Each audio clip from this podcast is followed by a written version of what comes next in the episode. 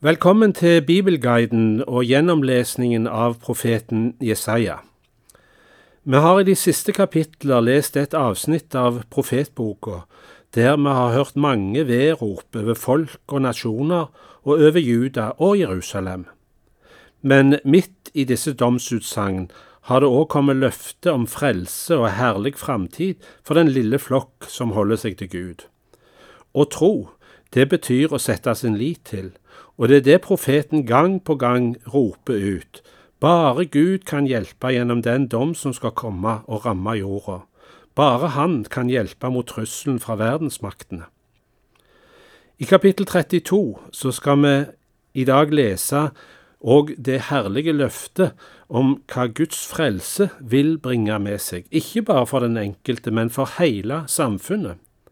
Først beskrives idealkongen og hans stormenn. Skal samfunnet bli lykkelig, så må dets ledere styre med rettferdighet. Den blindhet og døvhet som hviler over folket, skal en dag opphøre, og de lederne som i sin dumhet har betrakta seg sjøl som høye og fornemme, skal miste sin makt. Vi leser Jesaja kapittel 32, vers 1–8.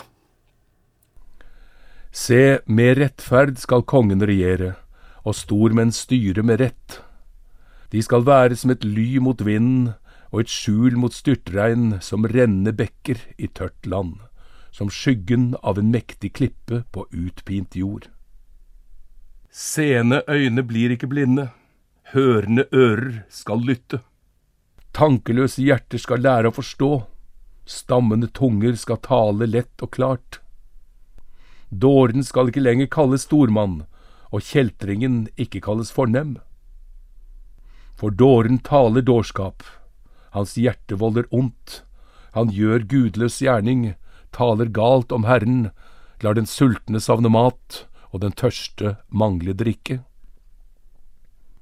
Kjeltringens våpen er onde, han legger skamløse planer, vil skade de hjelpeløse med løgn når den fattige taler sin sak. Men stor mann legger store planer, han står fast på det som er stort. I de neste versene vender så profeten seg direkte til kvinnene i samfunnet, og spesielt de av høy rang som bor i sine lykkelige hus, som det står. De er sorgløse og trygge og ser ikke samfunnets dype forfall og frafall ifra Gud. De skal komme til å skjelve over ødeleggelsen som kom over landet. Vi hører versene 9 til 13. For borgen er oppgitt, og den larmende byen forlatt. Haug og vakttårn er for alltid blitt gjemmesteder der villesler gleder seg og budskaper beiter. Sorgløse kvinner, stå opp, hør min røst. Trygge døtre, lytt til mitt ord. I dager og år skal dere skjelve, dere trygge, for vinhøsten slår feil, frukthøsten kommer ikke. Skjelv, dere sorgløse, skjelv, dere trygge. Kle dere nakne, bind sekkestri om hoftene. De klager over brystene, over de herlige åkrene, over de fruktbare vinstokkene, over mitt folks jord der torn og tistel skyter opp ja, over hvert lykkelig hus i den jublende byen.